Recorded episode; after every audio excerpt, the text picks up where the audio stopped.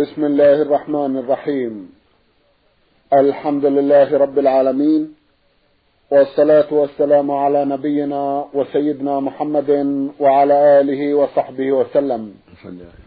مستمعي الكرام السلام عليكم ورحمة الله وبركاته وأسعد الله أوقاتكم بكل خير.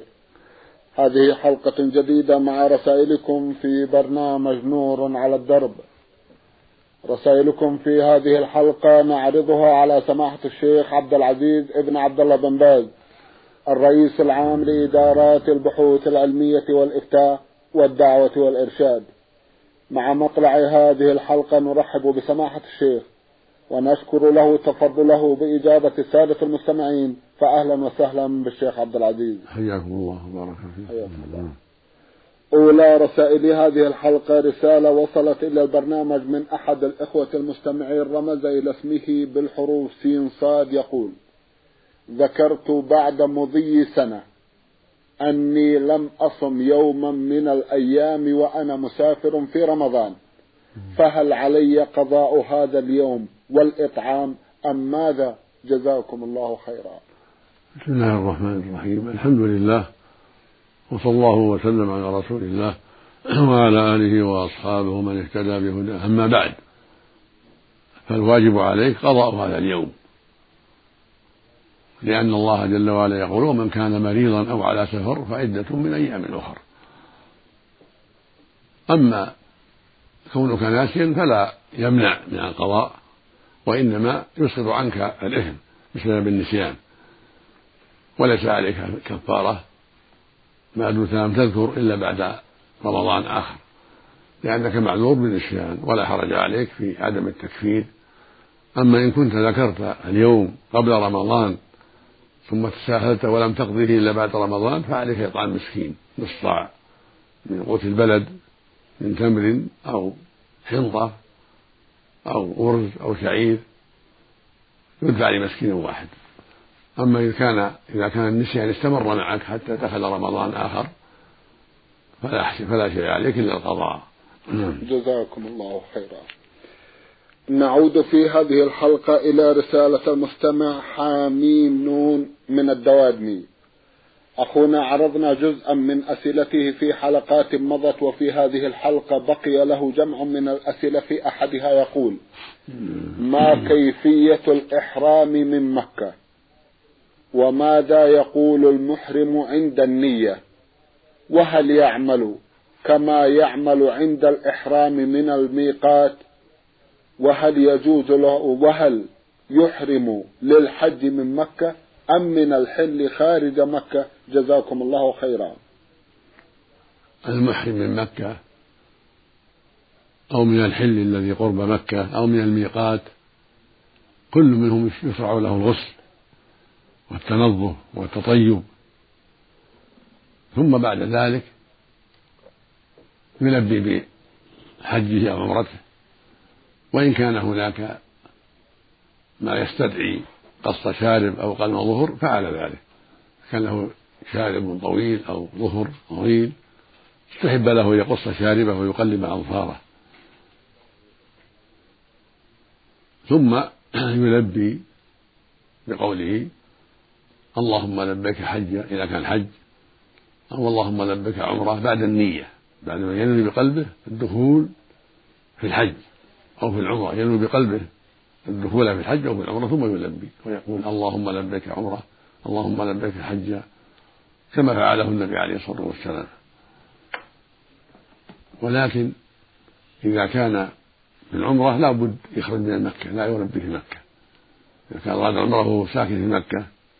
أو قد حل من عمرة سابقة في مكة أو من حج في مكة وأراد العمرة فإن يخرج إلى الحل.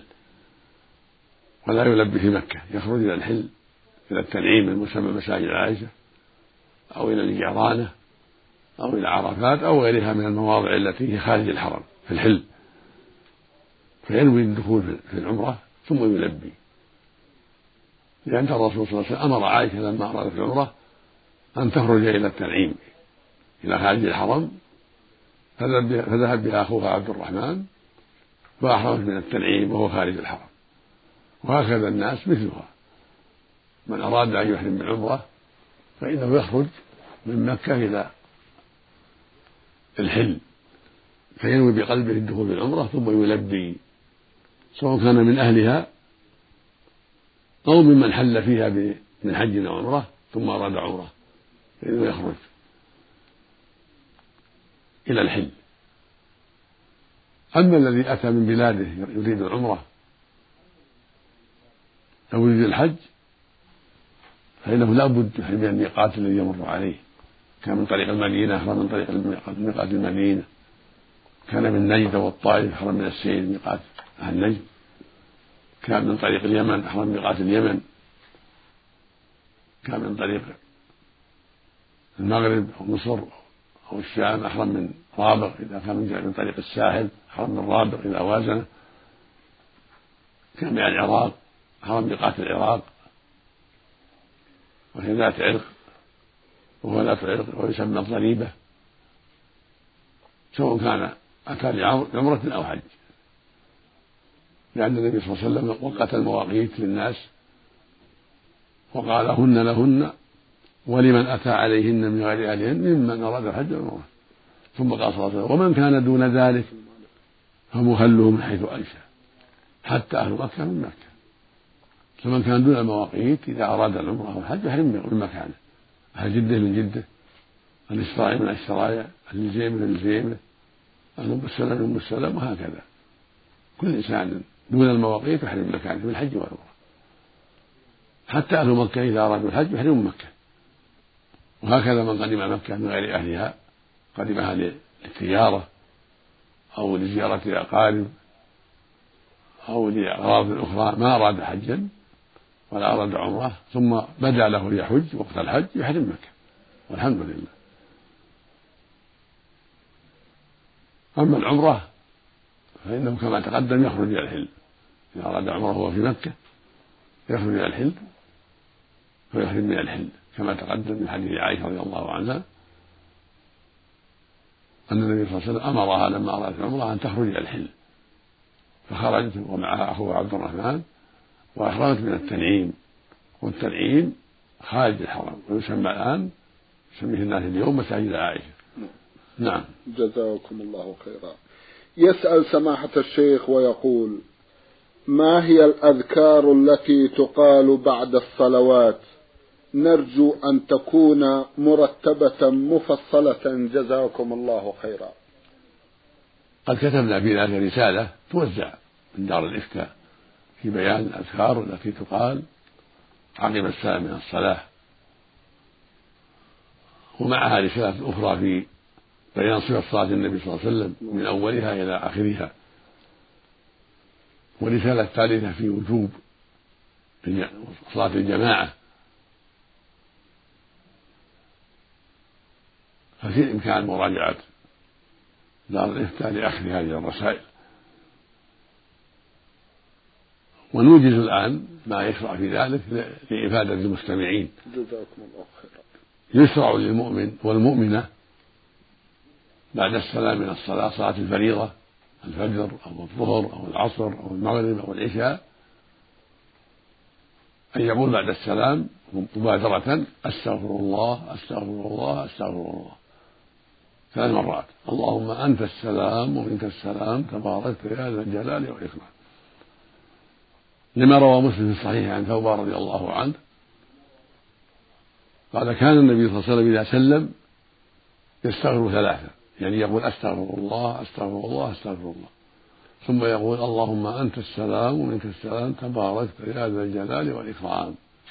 هذه السنة للإمام والمأموم والمنفرد والرجل والمرأة. وإذا كان إماما ينصرف إلى الناس بعد هذا. بعدما يقول اللهم أنت السلام إلى آخره ينصرف إلى الناس ويعطيهم وجهه إذا كان إماما. ثم يقول كل واحد بعد هذا لا إله إلا الله له لا شريك له له الملك وله الحمد وهو على كل شيء قدير. لا حول ولا قوة إلا بالله. لا إله إلا الله ولا نعبد إلا إياه.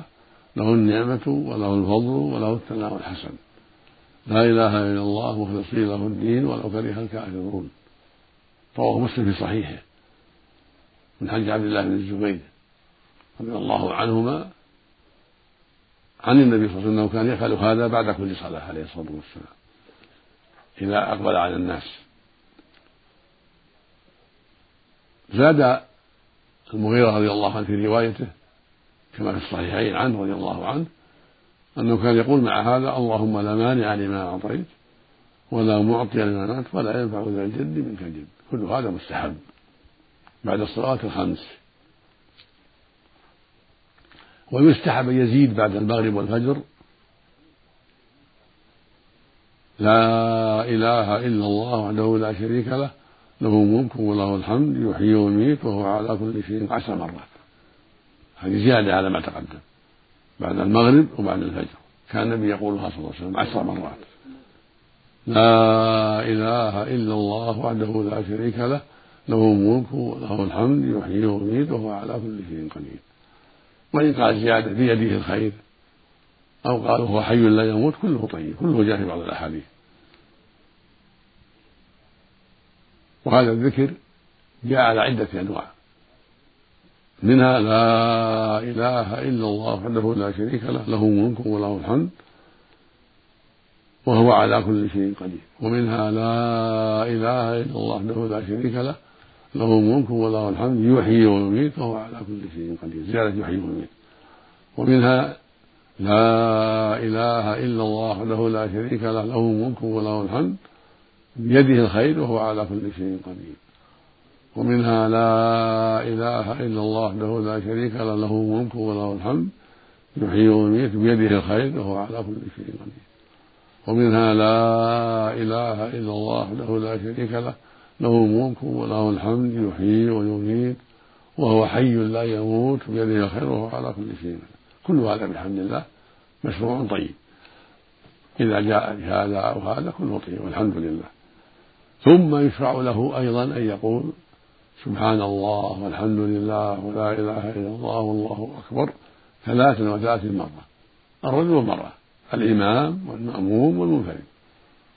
يسبح الله ويحمده ويكبر ثلاثا وثلاثين يقول سبحان الله والحمد لله والله أكبر ثلاثة وثلاثين مرة. ثم يقول ثمانية لا إله إلا الله وحده لا شريك له له الملك وله الحمد وهو على كل شيء قدير. يقول النبي صلى الله عليه وسلم في هذا في هذا من سبح الله دبر كل صلاة ثلاثة وثلاثين وحمد الله ثلاثة وثلاثين وكبر الله ثلاثة وثلاثين فتلك تسع وتسعون ثم قال لا إله إلا الله وحده لا شريك له له الملك وله الحمد وهو على كل شيء قدير غفرت خطاياه وإن كانت مثل زبد البحر. وهذا فضل عظيم. وهذا عند أهل العلم إذا كان يصر على كبيرة.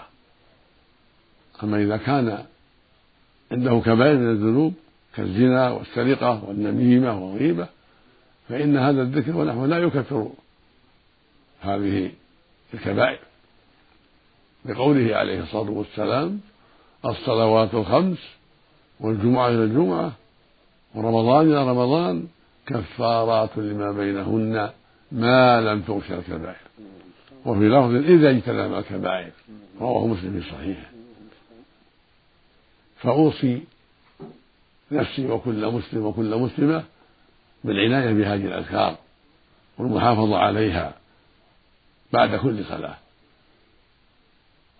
لأن الرسول ندب إليها صلى الله عليه وسلم وحث عليها مع الحذر كل الحذر من جميع المعاصي.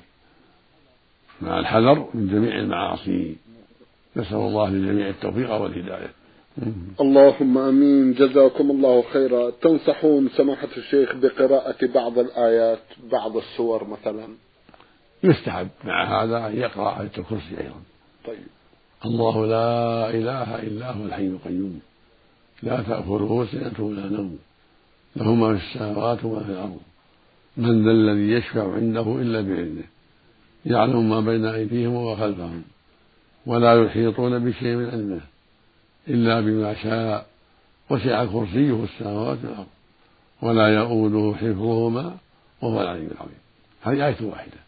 يقال آية الكرسي.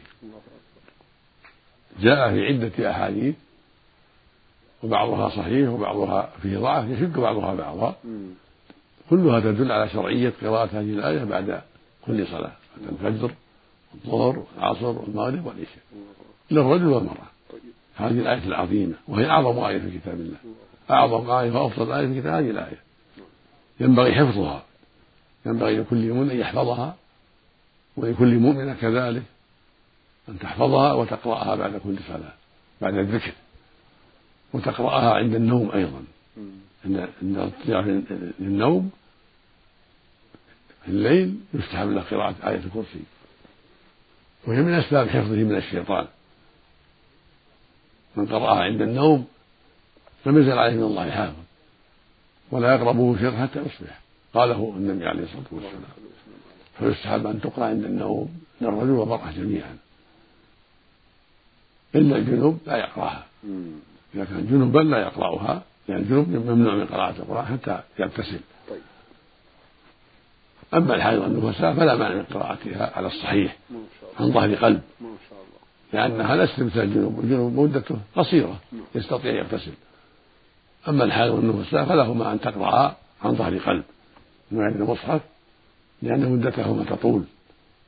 وفي ترك القراءة مشقة عليهما وتوفيق لخير عظيم. طيب. فالصواب أن لهما قراءة عن ظهر قلب ولهما مراجعة المصحف من وراء حائل عند الحاجة. كالقفازين ونحوهما.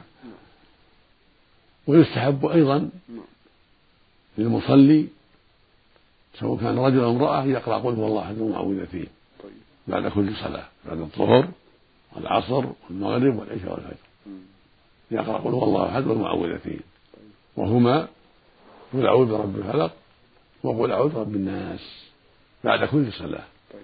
ويكررها ثلاث مرات بعد المغرب والفجر وعند النوم يكرر, يكرر هذه السورة الثلاث. بعد الفجر وبعد المغرب وعند النوم. يعني ذلك الأحاديث عن رسول الله عليه الصلاة والسلام. نسأل الله للجميع التوفيق وصلاح النية والعمل. اللهم والإعانة على كل خير. اللهم آمين. جزاكم الله خيرا. جزاكم الله خيرا. وإياكم. رسالة وصلت إلى البرنامج من إحدى الأخوات المستمعات رمزت إلى اسمها بالحرف ألف من الرياض.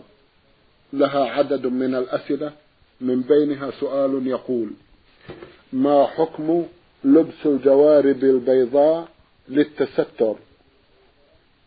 وهل يشترط في الحجاب تغطية القدمين بالجوارب السوداء؟ جزاكم الله خيرا. الجوارب سواء كانت سوداء أو خضراء أو حمراء لا بأس بها. تلبس المرأة الجوارب الشاكرة وإذا كانت جوارب لا تلفت النظر يكون ذلك أحسن كالجوارب السوداء أو غيرها من التي ليس فيها سبغ يلفت النظر ويحصل به اللمعان المقصود أن تكون جوارب ليس فيها ما يلفت النظر. نعم. ساترة. طيب. حتى تمسح عليها إذا توضأت. يوما وليلة. نعم. في حق المقيم وثلاثة أيام بلياليها في حق المسافر. كالرجل. طيب. وإذا كان هناك جوارب خاصة للرجال لا تلبسها المرأة ولكني لا أعلم جوارب تخص الرجال لا جوارب مشتركة لا أعلم فيها شيء خاصا جعل سماحة الشيخ يبدو في الآونة الأخيرة جعل لكن إن وجد شيء خاص نعم. للرجال تتركها المرأة. طيب. ولا وإذا كان شيء خاص للنساء يتركها الرجل. طيب. الحديث الصحيح أن الرسول صلى الله عليه وسلم لعن المرأة تلبس لبسة الرجل ولعن الرجل يلبس لبسة المرأة. نعم. جزاكم الله خيرا.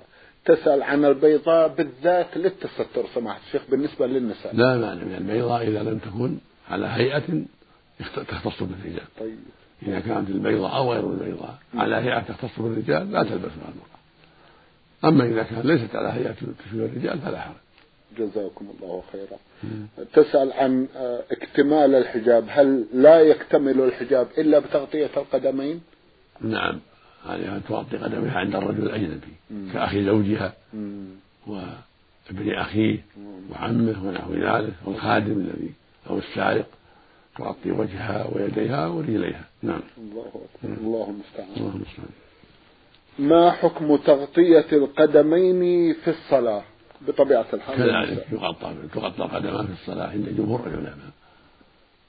لما روى أبو داود عن أم سلمة رضي الله عنها أنها سئلت هل تصل المرأة في درع وخمار قالت رضي الله عنها نعم إذا كان إذا كان القميص يغطي ظهور قدميها فالمقصود أنها تغطي قدميها وقت الصلاة كما تغطيهما عند الرجل الأجنبي هذا هو المختار وعليه جمهور أهل العلم. نعم. جزاكم الله خيرا. ما حكم لبس البنطلون للنساء وللرجال؟ لا أعلم فيه مانعا إذا كان على هيئة ليس فيها ما يصف العورة. بل يستر العورة وليس فيه تشبه. فالبنطلون الذي يختص بالرجال لا تلبسه المرأة. والذي يختص بالمرأة لا يلبسه الرجال. وإذا كان على على هيئة يختص بالكفار إذا كان على هيئة تختص الكفار لا يلبسها المسلم أيضا. فالحاصل أن الرجل والمرأة كل منهما يتوخى ويتحرى أن يكون لباسه لا يشبه لباس الآخر. لا في البنطلون ولا غيره. وأن يكون لا لا لا يشبه أيضا لباسا يختص الكفار. أما المشترك الذي لا يخص الكفار مشترك فلا بأس. نعم. جزاكم الله خيرا. وهكذا الذي لا يخص النساء ولا الرجال. نعم. كالخاتم من الفضة. مم. لا حرج في ذلك. نعم. شيء لا يخص الجميع. نعم. لا يخص أحدا. أيوة. نعم. الواقع من صفة البنطلون سماحة الشيخ أنه يفصل أعضاء الجسم. إذا كان يفصل العورة وأعضاء الجسم يفتن الناس ينبغي المرأة لا تلبسه إلا عند زوجها. جزاكم الله خيرا. أمام محارمها؟ كذلك ينبغي تركه. تركه. حذرا من الفتنة. جزاكم الله خيرا.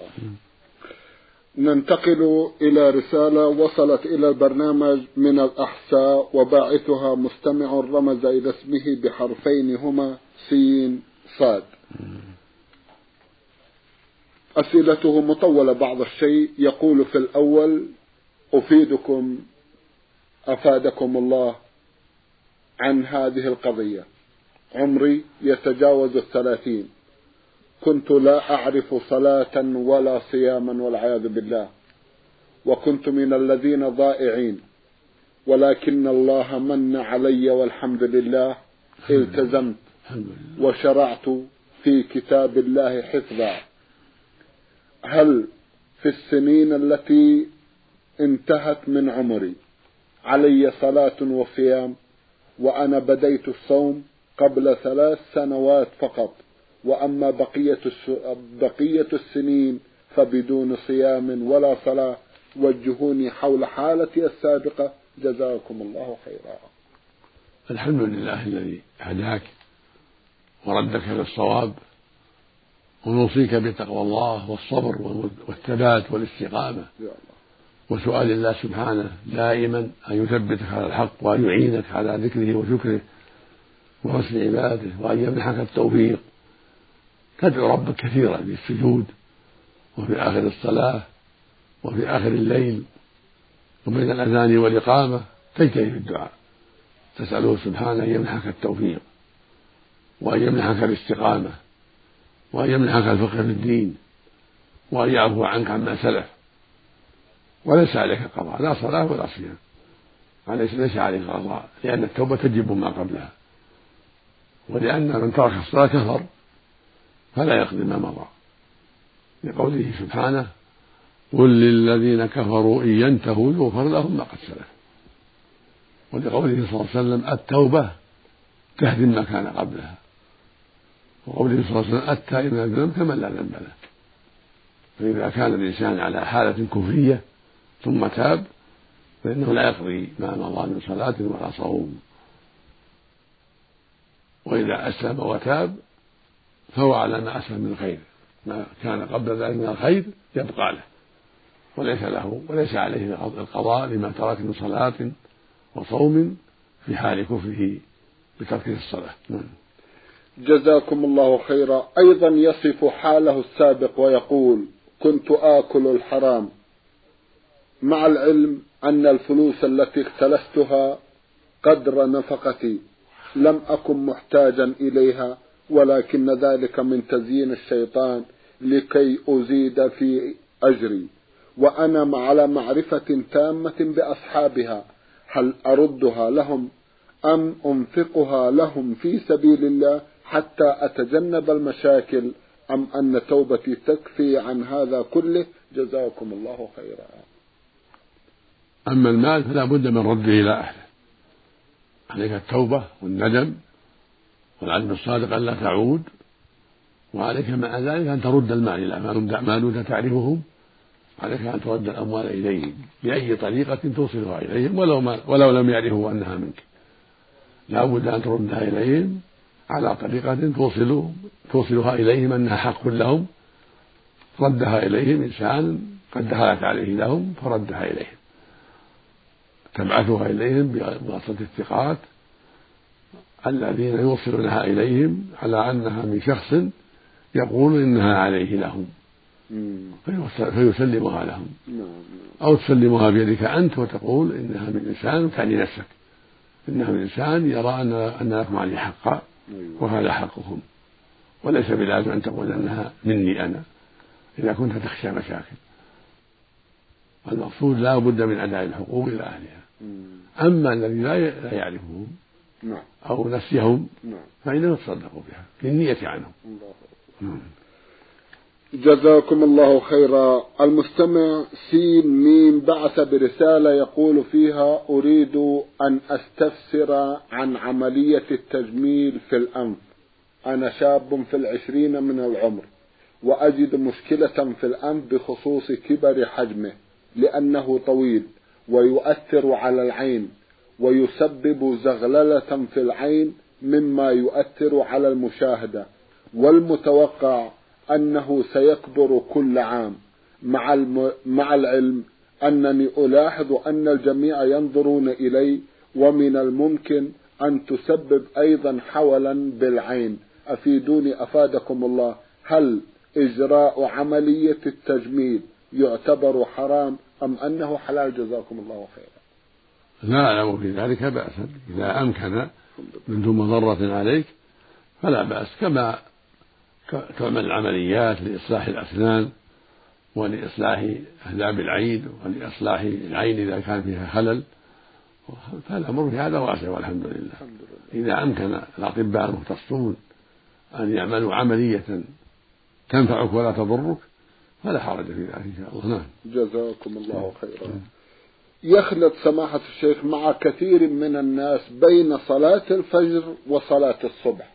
هل من كلمة توجيهية حول هذا جزاكم الله خيرا؟ نعم. يخلط مع كثير من الناس بين صلاة الفجر وصلاة الصبح.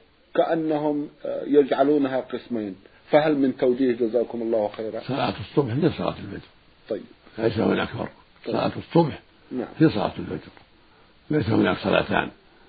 صلاة الفجر صلاة وهي صلاة هي صلاة الصبح وهي ركعتان فريضة. بإجماع المسلمين بعد طلوع الفجر وقبل طلوع الشمس ركعتان. والأفضل أن يؤدى أن تؤدى بغلس قبل الإسفار الكامل.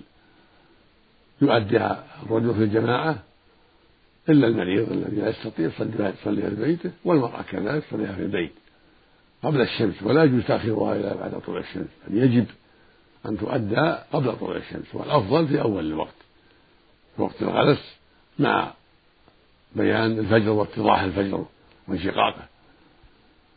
يقال لها صلاة الفجر ويقال لها صلاة الصبح.